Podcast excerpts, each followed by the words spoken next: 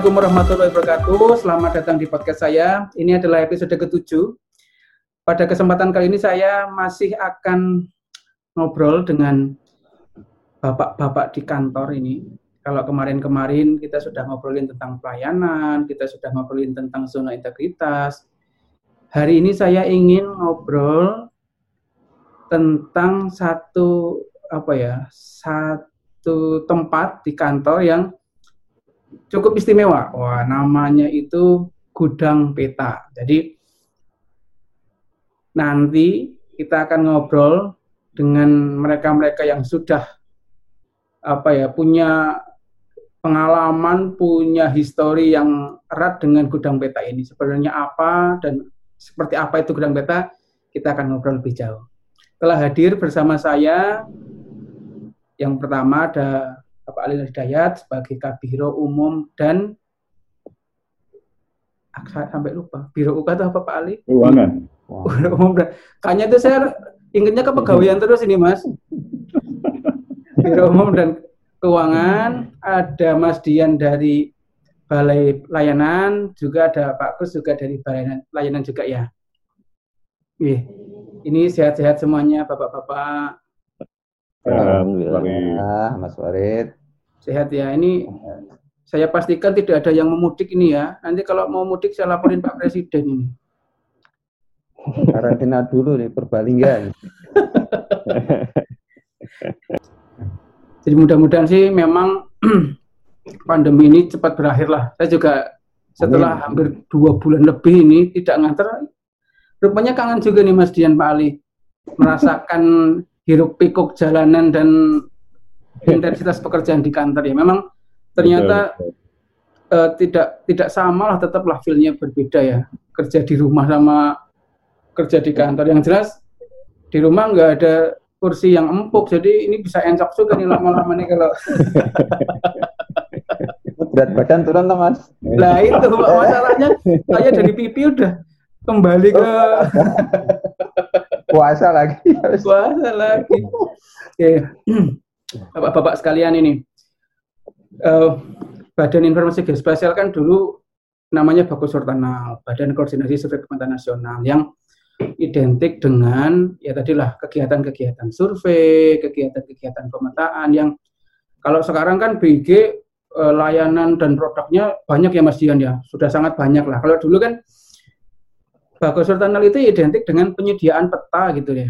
Peta itu identik juga dengan peta cetak saya ingat banget dulu bahkan ketika saya mahasiswa di Jogja itu ada kerjaan-kerjaan yang harus masih digit atau yang digit kontur, digit apa dari peta cetak itu di scan kemudian harus jadi digital dan segala macam untuk kepentingan praktikum dan lain-lain itu. Nah, ini menarik ini bahwa e, peta itu sekarang walaupun sudah banyak yang online digital bahkan bisa diunduh dalam bentuk servis gitu ya ternyata masih punya inilah sisi historis yang yang luar biasa peta cetak itu gitu. Nah, sebenarnya kalau kita ngomongin peta itu kan berarti salah satu bagian dari apa ya produk juga mungkin kalau kita ngomongin aset ya berarti asetnya PIG gitu ya. Nah, kalau saya mau tanya ini ke Pak Ali dulu pertama, sebenarnya aset-aset di BIG itu apa saja Pak? Apakah betul kalau tadi saya bilang peta itu adalah salah satu aset juga di BIG? Monggo Pak Ali.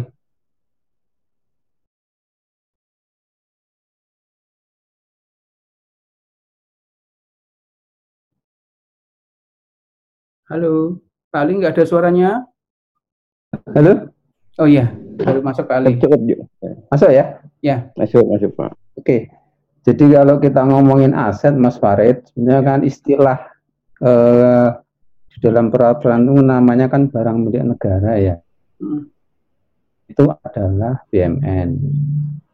Eh, itu istilah lain sebetulnya, ya, istilah lain dari eh, apa namanya aset. Nah, sebenarnya kalau kita lihat di ketentuan-ketentuan yang ada, ya itu semua uh, barang yang diperoleh dari APBN ya atau diperoleh dari perolehan lain yang sah itu sebenarnya menjadi aset menjadi barang milik negaranya sebuah kementerian atau uh, lembaga.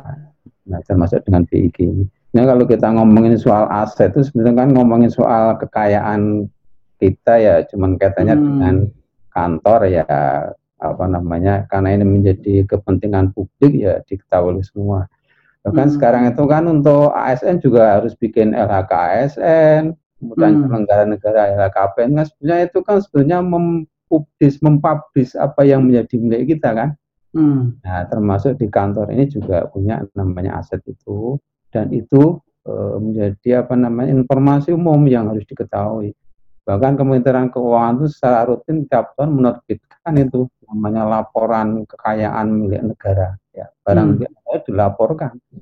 Jadi kalau ada pertanyaan seperti itu saya kira wajar. Nah terkait dengan BMN sebetulnya aset itu sudah dibagi tiga besar sebetulnya. Ya ada aset lancar ya.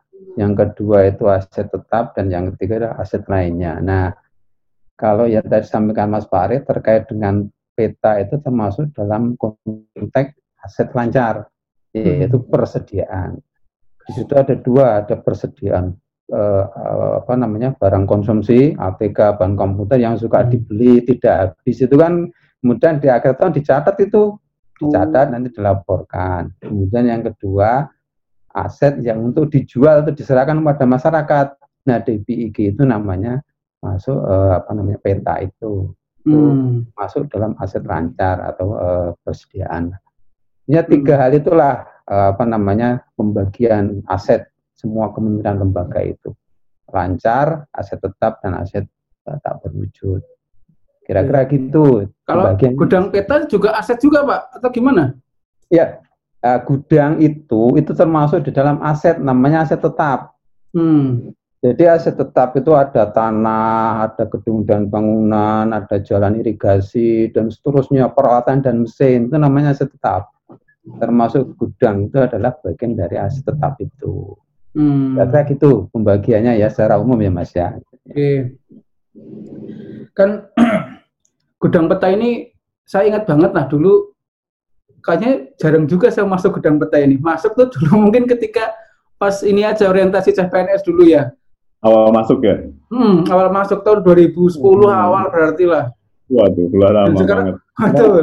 Sekarang malah mungkin lupa isinya apa aja gitu ya. Mas Dian, Mas Dian mungkin bisa nerangin Mas, sebenarnya gudang peta itu apa? Mungkin dari ke tahun, tahun ke tahun itu uh, untuk apa penggunaannya sampai sekarang? Kalau dulu Bagus Sultana kan identik dengan peta-peta cetak itu, apakah sekarang begitu menjadi PIG, fungsinya lebih atau seperti apa? Mungkin silahkan.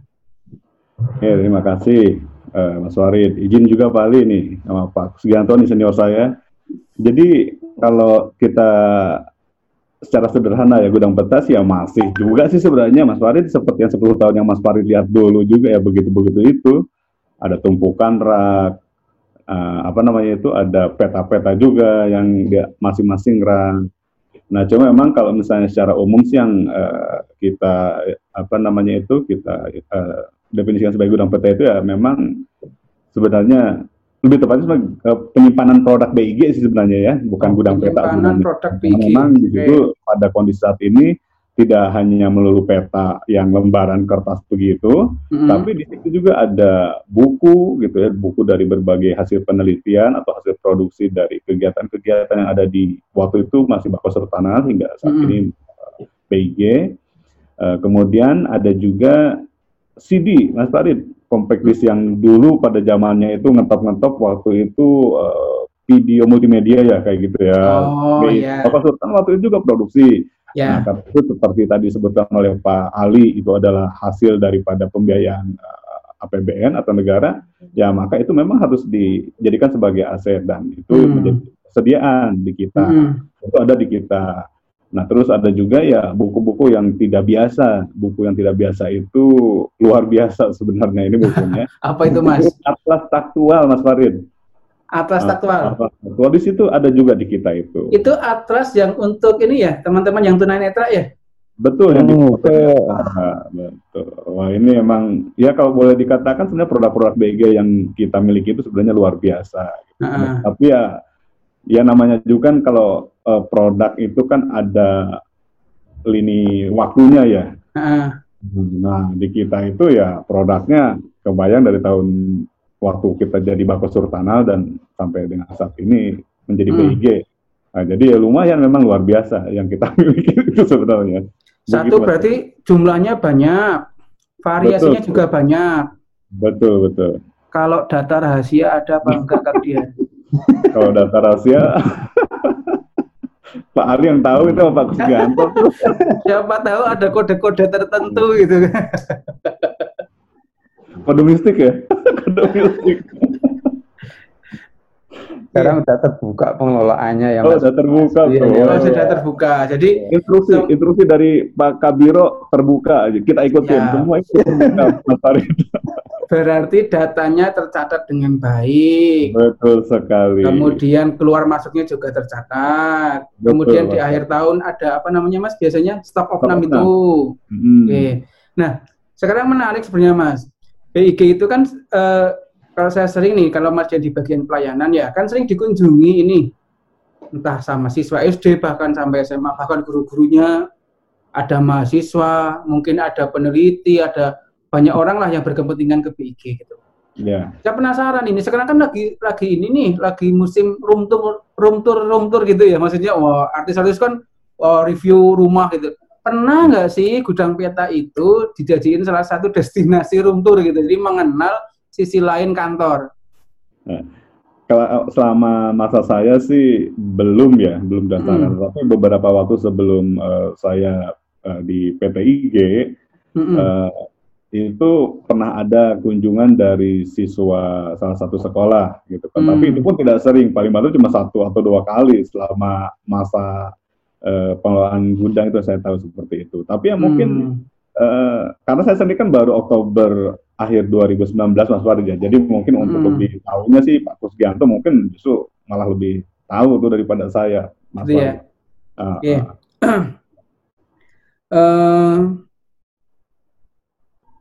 kalau akses sendiri, saya malah saya jadi agak malu juga nih sebagai orang kantor malah nggak tahu juga ya.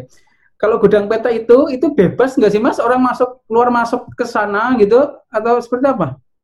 Sebenarnya sih boleh mas, boleh hmm. siapa saja sepanjang memang uh, ada keperluan ya terkait hmm. dengan uh, pemanfaatan ruangan gudang peta itu sendiri atau gudang produk BG itu sendiri. Hmm. Ya, kita sih sebenarnya tidak mempunyai uh, misalnya nggak boleh atau apa aturannya seperti itu yang kaku tidak, tapi memang uh, sepanjang itu bisa mengikuti uh, apa namanya itu uh, ketertiban menjaga ketertiban seperti itu oke okay sih saya pikir nggak masalah bahkan sebenarnya sih keinginan saya itu para pejabat itu ada semacam apa ya yang tadi Om Farid bilang itu hmm. room tour atau apalah gitu ya saya gitu ya? seperti saya ngerti gitu loh. Ini aset BIG kata Pak Ali kan gitu tadi. Pak Ali sih udah sih pas waktu ini. Beliau sering sih lihat.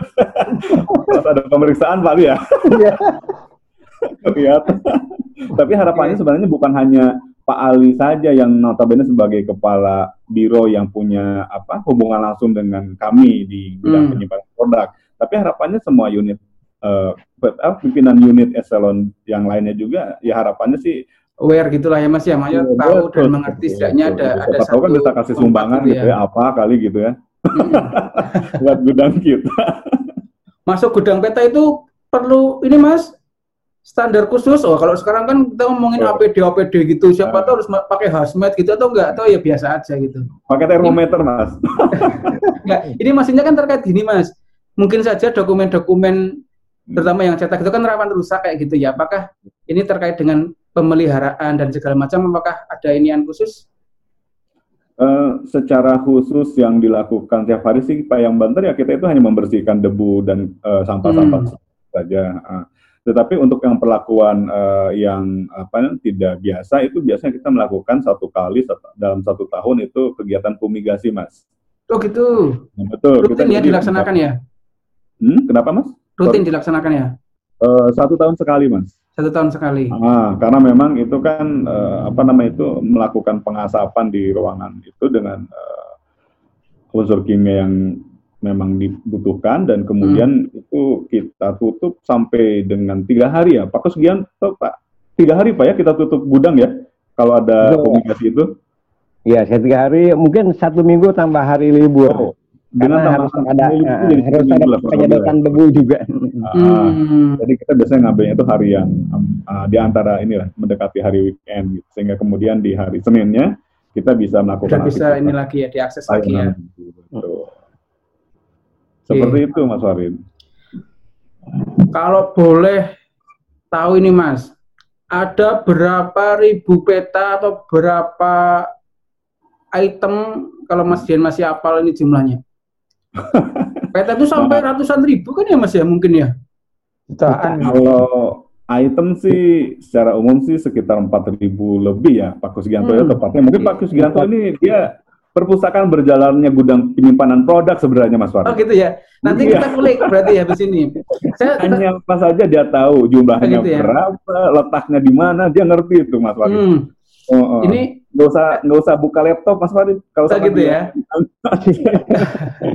Oke, saya tertarik ini ke Pak Ali dulu sebenarnya. Tadi kan sebut bahwa isi gudang peta itu banyak Pak Ali ya. Banyak satu ya. jumlah, satu mungkin nilai. Nah, kalau saya kemarin baca-baca, ternyata nilai peta saja, entah itu peta seluruhnya mungkin itu sampai miliaran gitu ya Pak ya. Betul, betul. Mungkin kalau boleh tahu angka-angka mungkin yang menarik ini Pak, sebenarnya produk-produk itu tuh sebesar apa sih nilainya dan bagaimana Big tadi bertanggung jawab dalam tanda kutip untuk nilai-nilai yang wah itu?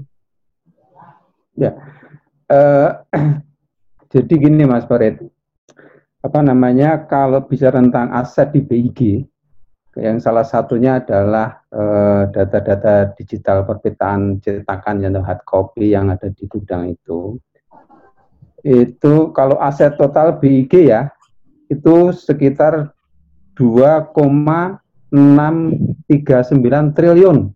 Uh, aset BIG loh ya. Luar biasa. Itu ada aset. Itu uang semua Pak atau ada daunnya? Ya termasuk semua aset tetap, aset lainnya dan semua. Jadi uh, itu yang tercatat sejak Bagus Sultan berdiri ya sampai sekarang ya. Nah, Kemudian dari jumlah sekitar 2,6 T, ini berdasarkan laporan keuangan 2019 audited ya. Ini soal data saya nggak bisa main-main, saya harus lihat dokumen karena ini menyangkut pertanggungjawaban keakuratan angka ya, Mas ya. Siap. Jadi kalau tadi total aset BIG itu 2,6 triliun kurang lebih. Nah, aset lainnya, aset lainnya itu aset data perpitaan, Mas data Siap. digital yang sekarang tersimpan itu sekitar 1,1 T. Kemudian untuk peralatan dan mesin itu sekitar 1,1 T juga. Saya kira peralatan-peralatan di BIG termasuk mahal. Ya. Kemudian tanah, tanah yang ada di BIG maupun yang ada di Mes Pabuaran maupun yang ada di Cimanggu, ya. itu total 185,6 miliar nilai uangnya. Kemudian untuk gedung dan bangunan ini malah sedikit mas sekitar 67 miliar karena kan mengalami penyusutan walaupun aset lain juga ada penyusutan. Nah yang untuk peta ya. ini angkanya signifikan mas. Siap. Jadi angkanya itu untuk peta sekitar 118,6 miliar nilai nilai angka untuk peta. Oke. Eh, di luar itu ada non peta, ada ATK barang konsumsi, kemudian persediaan dan sebagainya itu enggak banyak. Jadi nilai untuk peta saya kira cukup signifikan lah. Cukup besar ya Pak ya? Iya, 118 miliar. Ya. Okay. Itu harga perolehan ya, harga iya. perolehan. Ya. Hmm. Kira-kira gitu. Nah, angka-angka itu kan kemudian harapannya tentu bisa diakses oleh masyarakat ya, yang sekarang mungkin memang sudah banyak masyarakat yang mengakses online, tapi ternyata mungkin masih ada yang butuh peta cetak. Nah ini sekarang saya mau ke Pak Kus ini. Pak Kus, ini kan Pak Kus yeah. di bagian pelayanan juga ini. Mm -mm. Nah dalam sehari itu bisa ada atau mungkin seminggu lah kalau sehari mungkin agak susah. Seminggu itu ada berapa kali order yang mungkin orang minta atau beli tentang uh, peta cetak itu? Ada berapa kali biasanya? Itu dalam saat satu bulan lah ya. Kalau hmm. saat ini emang tidak begitu banyak karena dengan hmm. sekarang sudah banyak peta-peta free atau gratis gitu kan ya. Yeah. Ya, ya, itu nggak begitu banyak mungkin antara ya 10 kayak 12. Gitu. 10 sampai 12 order ya Pak ya? Iya. Sekali order, order itu biasanya berapa peta Pak? Sekali order itu bervariasi emang kebut kebutuhannya terutama hmm. untuk dari tingkatan uh, akademisi itu biasanya banyak itu akademisi dengan uh, ya instansi pemerintah dalam hal ini mungkin seperti dari uh, eh, TNI lah ya biasanya hmm. kebutuhan mereka. Nah, lagi untuk perorangan itu emang tidak begitu banyak sih. Ya. Penyiapan itu. Kalau misalnya nih Pak, saya kan tahu nih hmm. di pelayanan sudah ada SOP. SOP yep. itu saya kira sangat bagus ya. Jadi hmm. memastikan bahwa customer memperoleh data yang tepat dengan waktu yang uh, uh, dilayani dalam waktu yang memang sudah disiapkan juga seperti itu ya Pak ya. Kalau Pak Kus sendiri, kalau boleh cerita Pak, kalau dari hmm. uh, orang datang ke bagian pelayanan untuk beli Sebentar, saya mau hmm. tanya dulu nih Bang Peta itu yep. masih beli atau orang sudah gratis ini peta cetak itu? Untuk peta cetak ada yang masih beli dan juga bisa gratis, tentunya dengan uh, aturan tertentu ya, ada prosedurnya artinya ya. Oh gitu, dengan ada prosedurnya. Untuk, untuk, ya, uh, untuk pre itu misalkan kan harus mengajukan surat permohonan ke kepala BIG atau kepala pusat dan dan lain-lain. Baik kalau misalnya orang yang mau beli, berarti setelah hmm. dia datang ke bagian pelayanan, apa yang tim layanan lakukan sampai dengan customer itu dapat petanya? Mungkin Pak Kus bisa cerita. Oke, jadi begini Mas Farid. Siap. Apabila ada customer membutuhkan peta, tentunya kita sekarang ini kan ada pelayanan satu pintu ya, tentunya ke pusat PTIG ya, gitu ya. ya. Artinya dari customer harus ke bagian layanan dulu. Nah, hmm. di layanan dulu nanti ada isian-isian ya yang untuk uh, permohonannya itu ya. Hmm. Nah, apabila di, di pelayanan atau di PTIG sudah selesai, secara elektronik atau uh, secara aplikasi itu akan mengirimkan uh, print-printan atau data ke bagian gudang. Oh gitu ya? Eh. Sudah otomatis gitu? Eh, eh. Ya, oh, canggih nah, juga ini. Dari, nanti dari gudang itu ya eh, kita selalu standby setiap saat dalam arti selama jam kerja itu kita tidak ada waktu istirahat kita standby kita nunggu yeah. dan apabila nanti itu eh, kita sedang sibuk atau tidak konsen melakukan hmm. sesuatu nanti dari aplikasi itu ada suara yang hmm. menginformasi kita misalkan Pak ada order, Pak ada order. Seperti oh, gitu. gitu ya. Nanti yeah, siapa, yeah, yeah. siapa pun akan akan mendengar itu. Nah, yeah. Setelah kita itu langsung kita tindak lanjuti sesuai peraturan atau sesuai prosedur dan SOP yang ada, yeah. kita langsung tangani.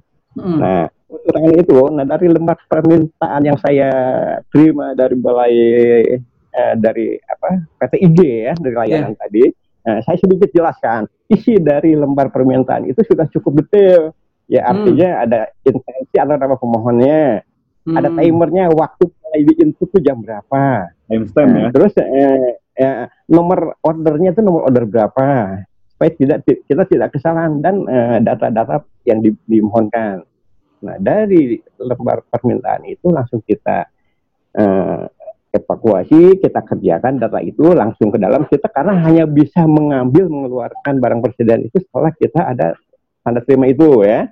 Hmm. Nah, pada saat nah pada saat itu kita mengambil apa data-data produk yang dimohonkan dan kita harus mengisi kartu stok yang ada di uh, raknya karena hmm. setiap setiap NLP setiap nomor itu ada kartu stok. Nah, Nah setelah itu kita ambil barang sesuai jumlah yang dimohonkan dan kita tulis di kartu stok sesuai yang dimohonkan. Nah di kartu stok pun ada isian sesuai dengan uh, data yang di lembar permintaan. Misalnya tanggal, minta tanggal berapa, atas nama instansi namanya siapa, nomor petanya berapa, dan jumlah lembar yang dimohonkan berapa itu harus harus harus sama antara itu. Oh, okay. Sehingga bisa ketahuan stok akhir. Nah, sehingga harus ketahuan stok akhir dari produk itu berapa sampai saat itu. Jadi update terus. Oke. Ya. Nah, apabila peta itu yang diumumkan sudah selesai semua, kita bawa ke kembali ke ruangan depan, ya artinya kita harus mengecek ulang akurasinya apakah sudah sesuai atau belum peta yang kita ambilkan dengan yang dimohonkan. Ya. Kalau sudah met, sudah udah udah sesuai permintaan, baru kita buatkan tanda terima. Hmm. Tanda terima itu pun isinya sama dengan uh, lembar permintaan. Ya. Oke, nah dari lembar tanda terima itu saya sedikit jelaskan juga isi dari tanda terima itu selain ada hmm. nomor order, nama pemohon, juga ada waktu selesai dikerjakan. Apabila okay. kita mengaplikasikan tanda terima, berarti itu final, final untuk uh, waktunya uh, selesai di situ. Yeah. Nah, isi dari lembar uh, tanda terima itu sendiri pun ada uh, tanda tangan atau para petugas penyiapan. Jadi yeah. kita nggak nggak bisa siapa aja harus para satu itu dan diketahui kepala seksi produk juga uh, ada uh, si tanda tangan si customernya itu. Nah selesai itu baru kita bawa ke SIG ke pelayanan. Di sana baru kita stempel juga ada cap timernya. Uh, hmm. Yaitu tadi kaitannya dengan ISO atau SO itu tadi, katakan kita ada ada batas-batasan waktu satu sampai sepuluh lembar berapa menit. Alhamdulillah sampai saat ini kita tidak pernah melebihi target itu. Ya. Gitu sehingga ya ya tidak masalah untuk ISO kita terpenuhi. Mungkin itu dulu. Jadi siapa Gus? Ini saya kira sangat menarik ya.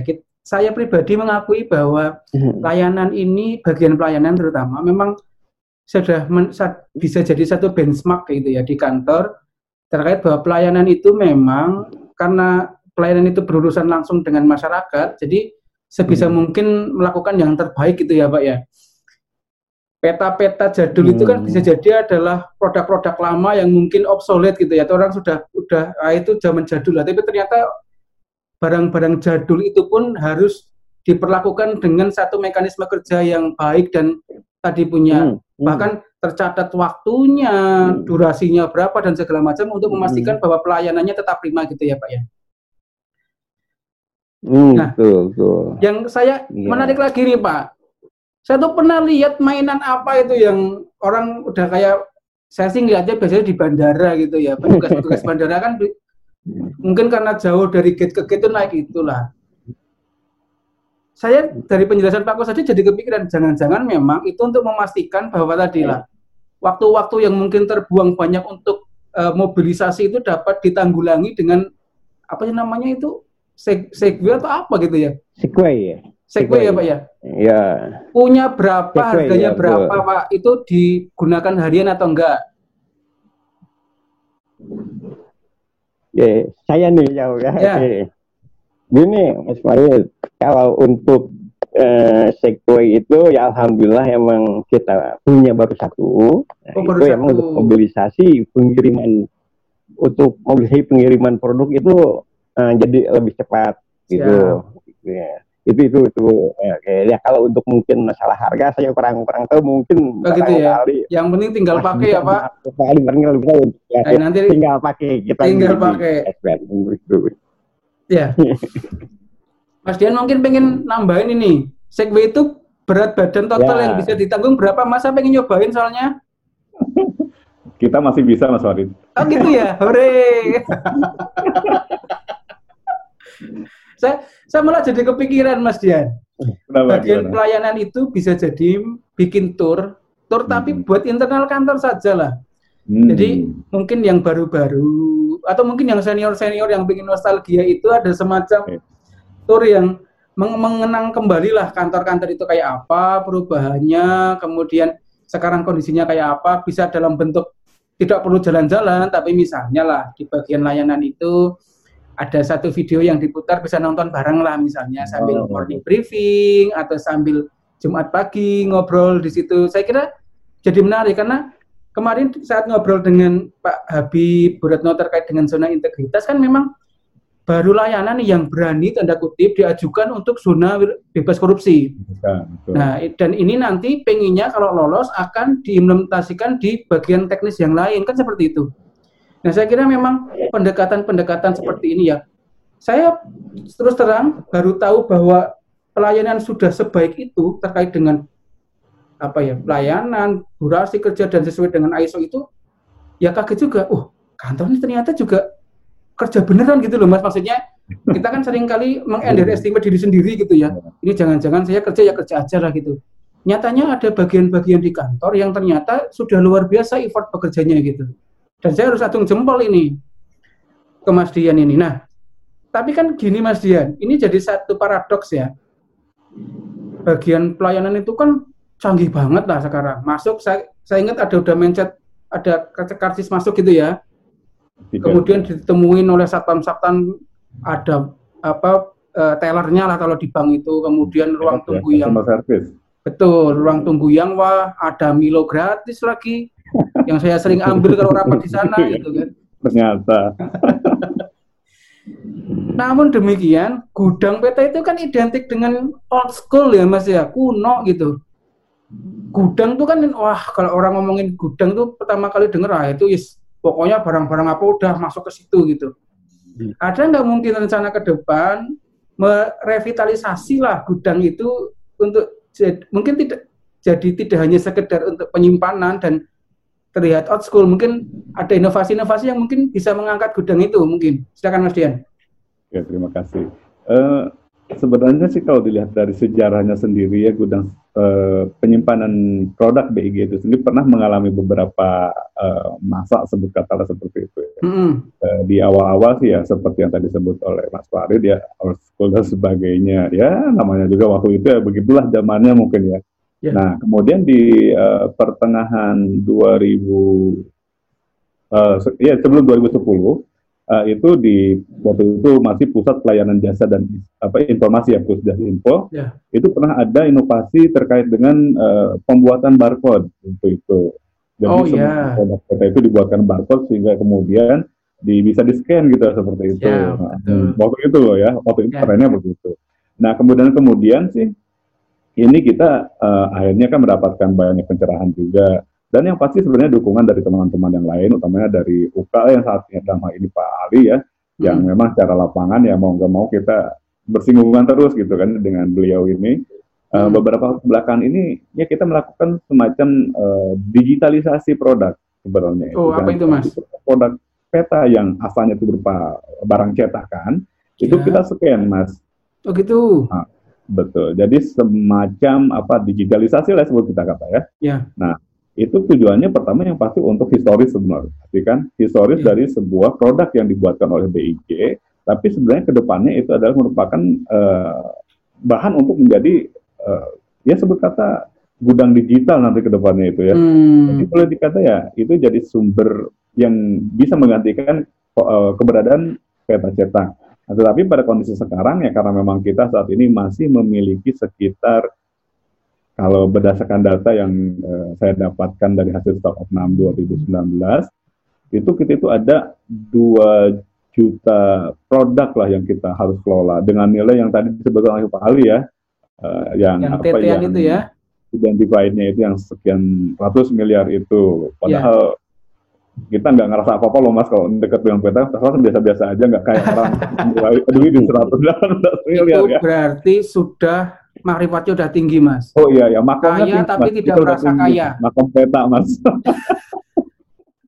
nah, uh, ya ke depannya memang uh, kami dalam hal ini di lapangan dan juga di apa pimpinan kami di balai layanan Mbak Retno selalu ingin mempunyai inisiatif apa ini apa uh, inovasi yang memang bisa menjadikan pelayanan di BIG ini lebih mudah lebih apa lebih mudah lebih cepat dan juga yang pasti tidak ketinggalan zaman gitu ya. High tech atau apa namanya itu sekarang ada istilah IoT gitu ya. Hmm. seperti itu yang seperti itu. Tetapi mungkin ya kemudian kan kita juga tidak bisa uh, keluar dari pakem makanya dalam perjalanan kita selalu konsultasi dengan Pak Ali dengan Biroka bagaimana sih gitu. Dan biasanya itu memang uh, bisa diawali dengan satu trigger Mas Warid ya. misalnya uh, sebut kata temuan dari BPK terkait dengan Uh, kok ini petanya udah usang gitu seperti ah. Uh, lah ya gimana nggak usang lah. Peta itu kan dibuatnya yang ada di kita itu tahun 72 loh Mas Farid loh. Udah lahir ya. belum?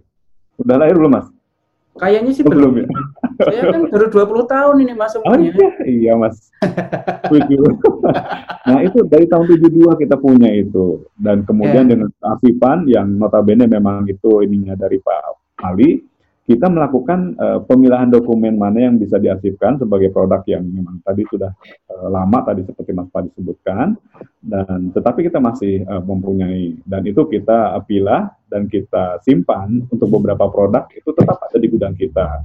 Tetapi nanti uh, seiring dengan perkembangan uh, mungkin nanti Pak Ali bisa menambahkan bagaimana komitmen BIG juga untuk membuat pelayanan dalam ini pengelolaan gudang peta menjadi sesuatu yang mudah untuk diaudit gitu. Karena kan beberapa kali dia dalam beberapa waktu ke belakang itu dari kegiatan-kegiatan ya sebut kata stop of nama itu itu itu suka jadi apa ya namanya itu ya tanda petik tapi ini ya mainan untuk ini teman-teman mengaudit gitu ya dan pengertian hmm. suka ada selisih satu lembar dua lembar gitu mas seperti itu mas hmm. Nah, ke depannya kita pengen yang high tech dalam artian yang tapi ya tentu saja ini terkait dengan biaya dan sebagainya yang memang uh, menyesuaikan seperti itu. Baik.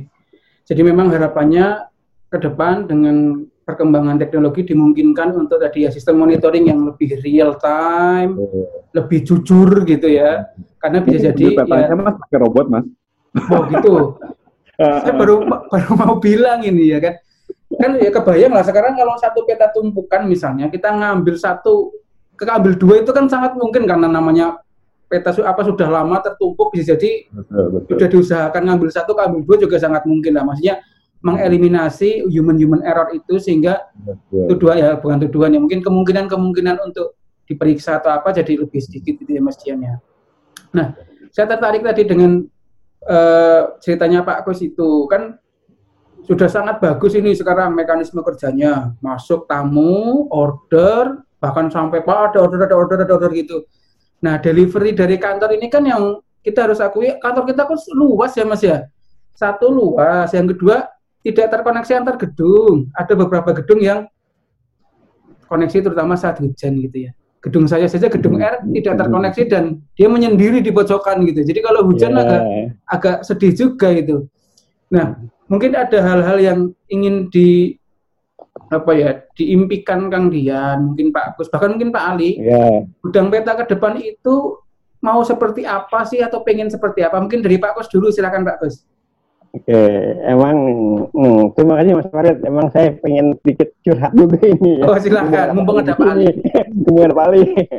Kayak tadi gini, emang uh, jumlah uh, kembali dari awal ke tadi uh, produk uh, dulu dari apa uh, data yang ada tersedia di gudang itu emang cukup banyak yaitu antara 20 uh, tema yang terdiri dari 4.580 uh, NLP yang jumlah total R lembarnya itu bisa sampai 2.823 ribuan gitu ya.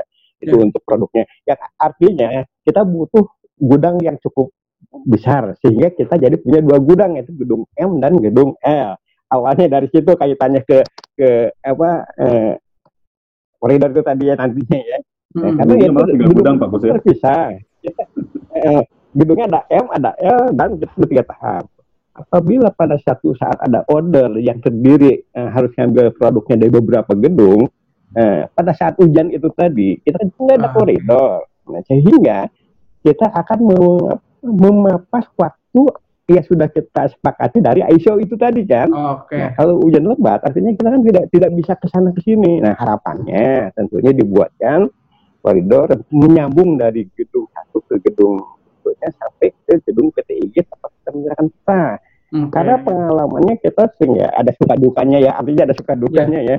ya ya ya dukanya seperti itu tadi yeah. kita kalau pengen memenuhi waktu yang sudah ditentukan tapi dengan hujan yang juga kita kan kalau hujan-hujanan datanya rusak juga kalau yeah, itu waktu tidak terpenuhi gitu kan yeah. itu juga agak dilema juga untuk untuk, yeah. untuk itu okay. ya, ya.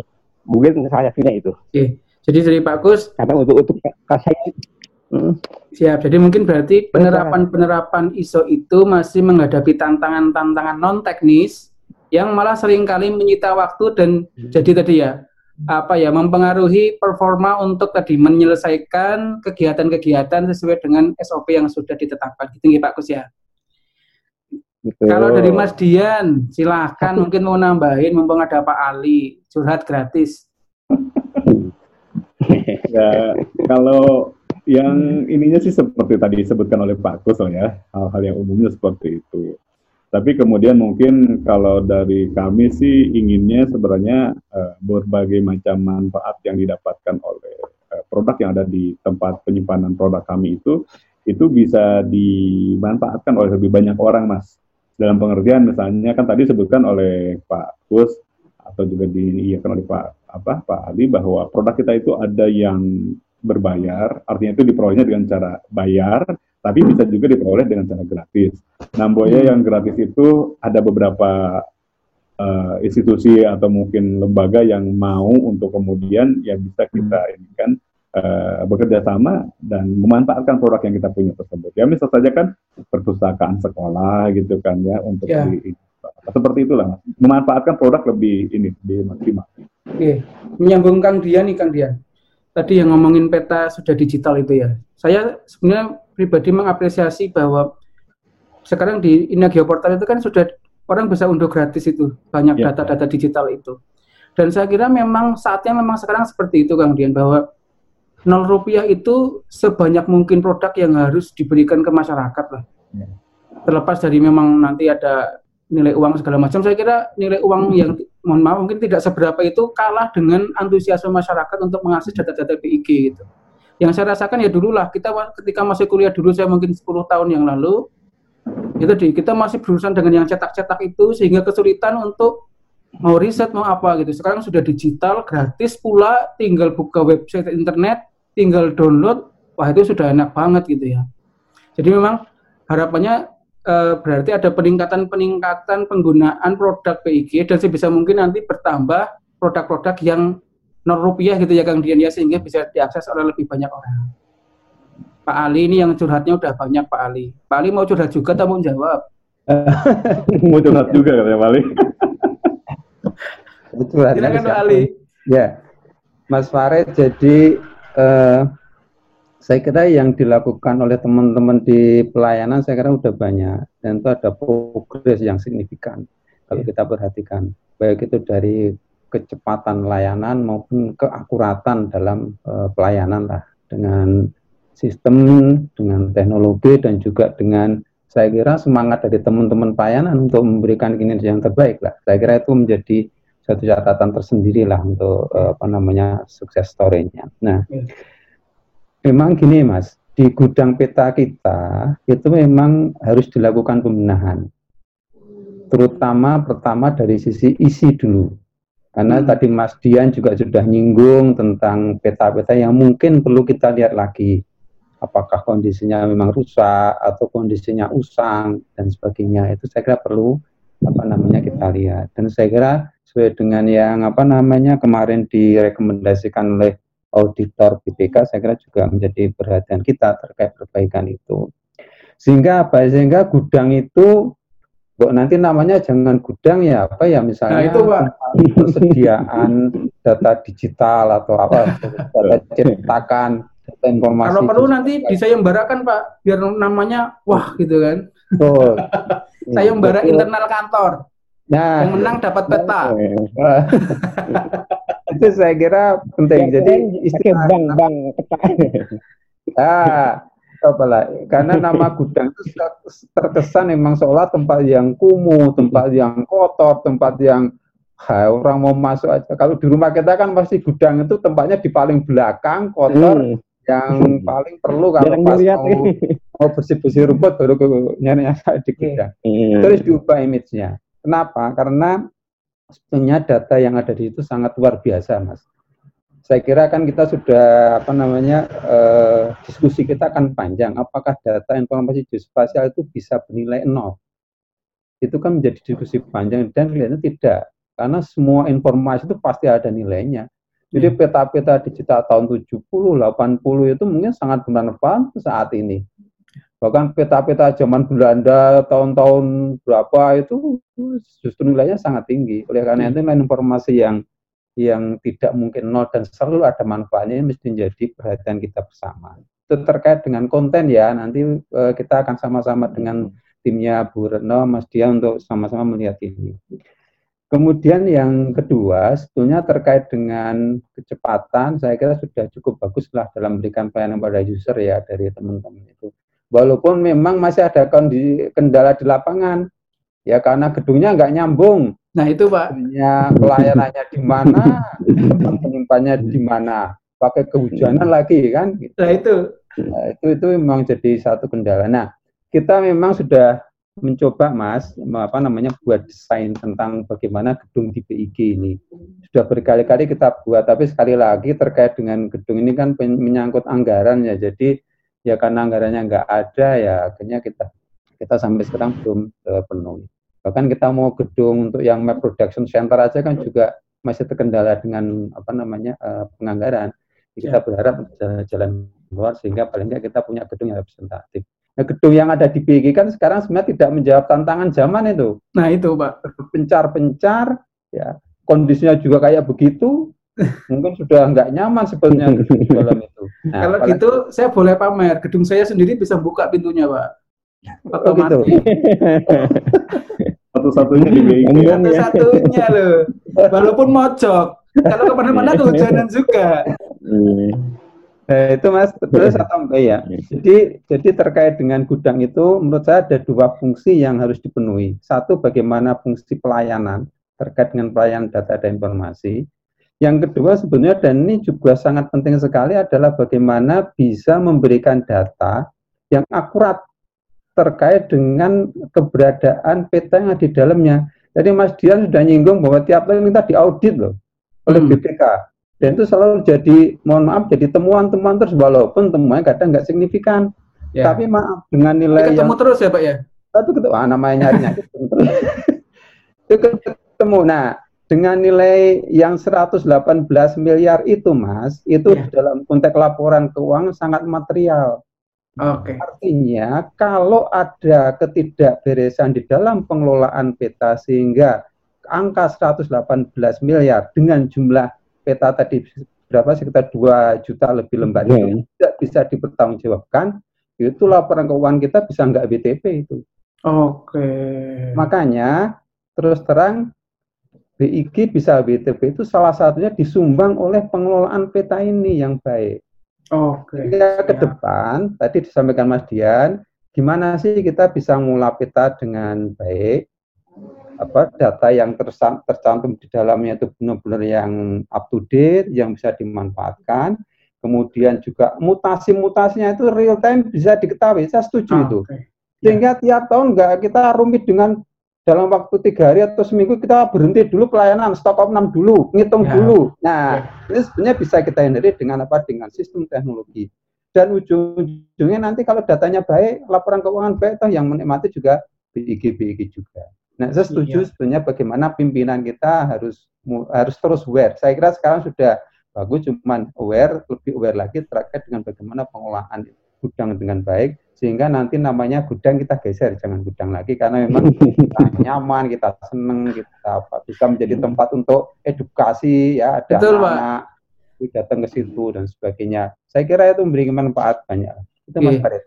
Baik, wah ini saya pengen ngobrol mungkin kalau diterusin bisa sampai nanti buka puasa ini cuma mungkin memang saya kira sudah cukup menyeluruh ini bapak-bapak sekalian berbagi cerita tentang gudang peta tentang aset tentang tadi apa melayani dalam konteks BIG sudah berusaha menjalankan reformasi birokrasi yang optimal yang maksimal terutama pada pelayanan-pelayanan yang melibatkan gudang peta seperti itu nih Oke, saya kira demikian. Terima kasih banyak ini Pak Ali, Mas Dian, Pak Pus sudah bergabung dengan saya.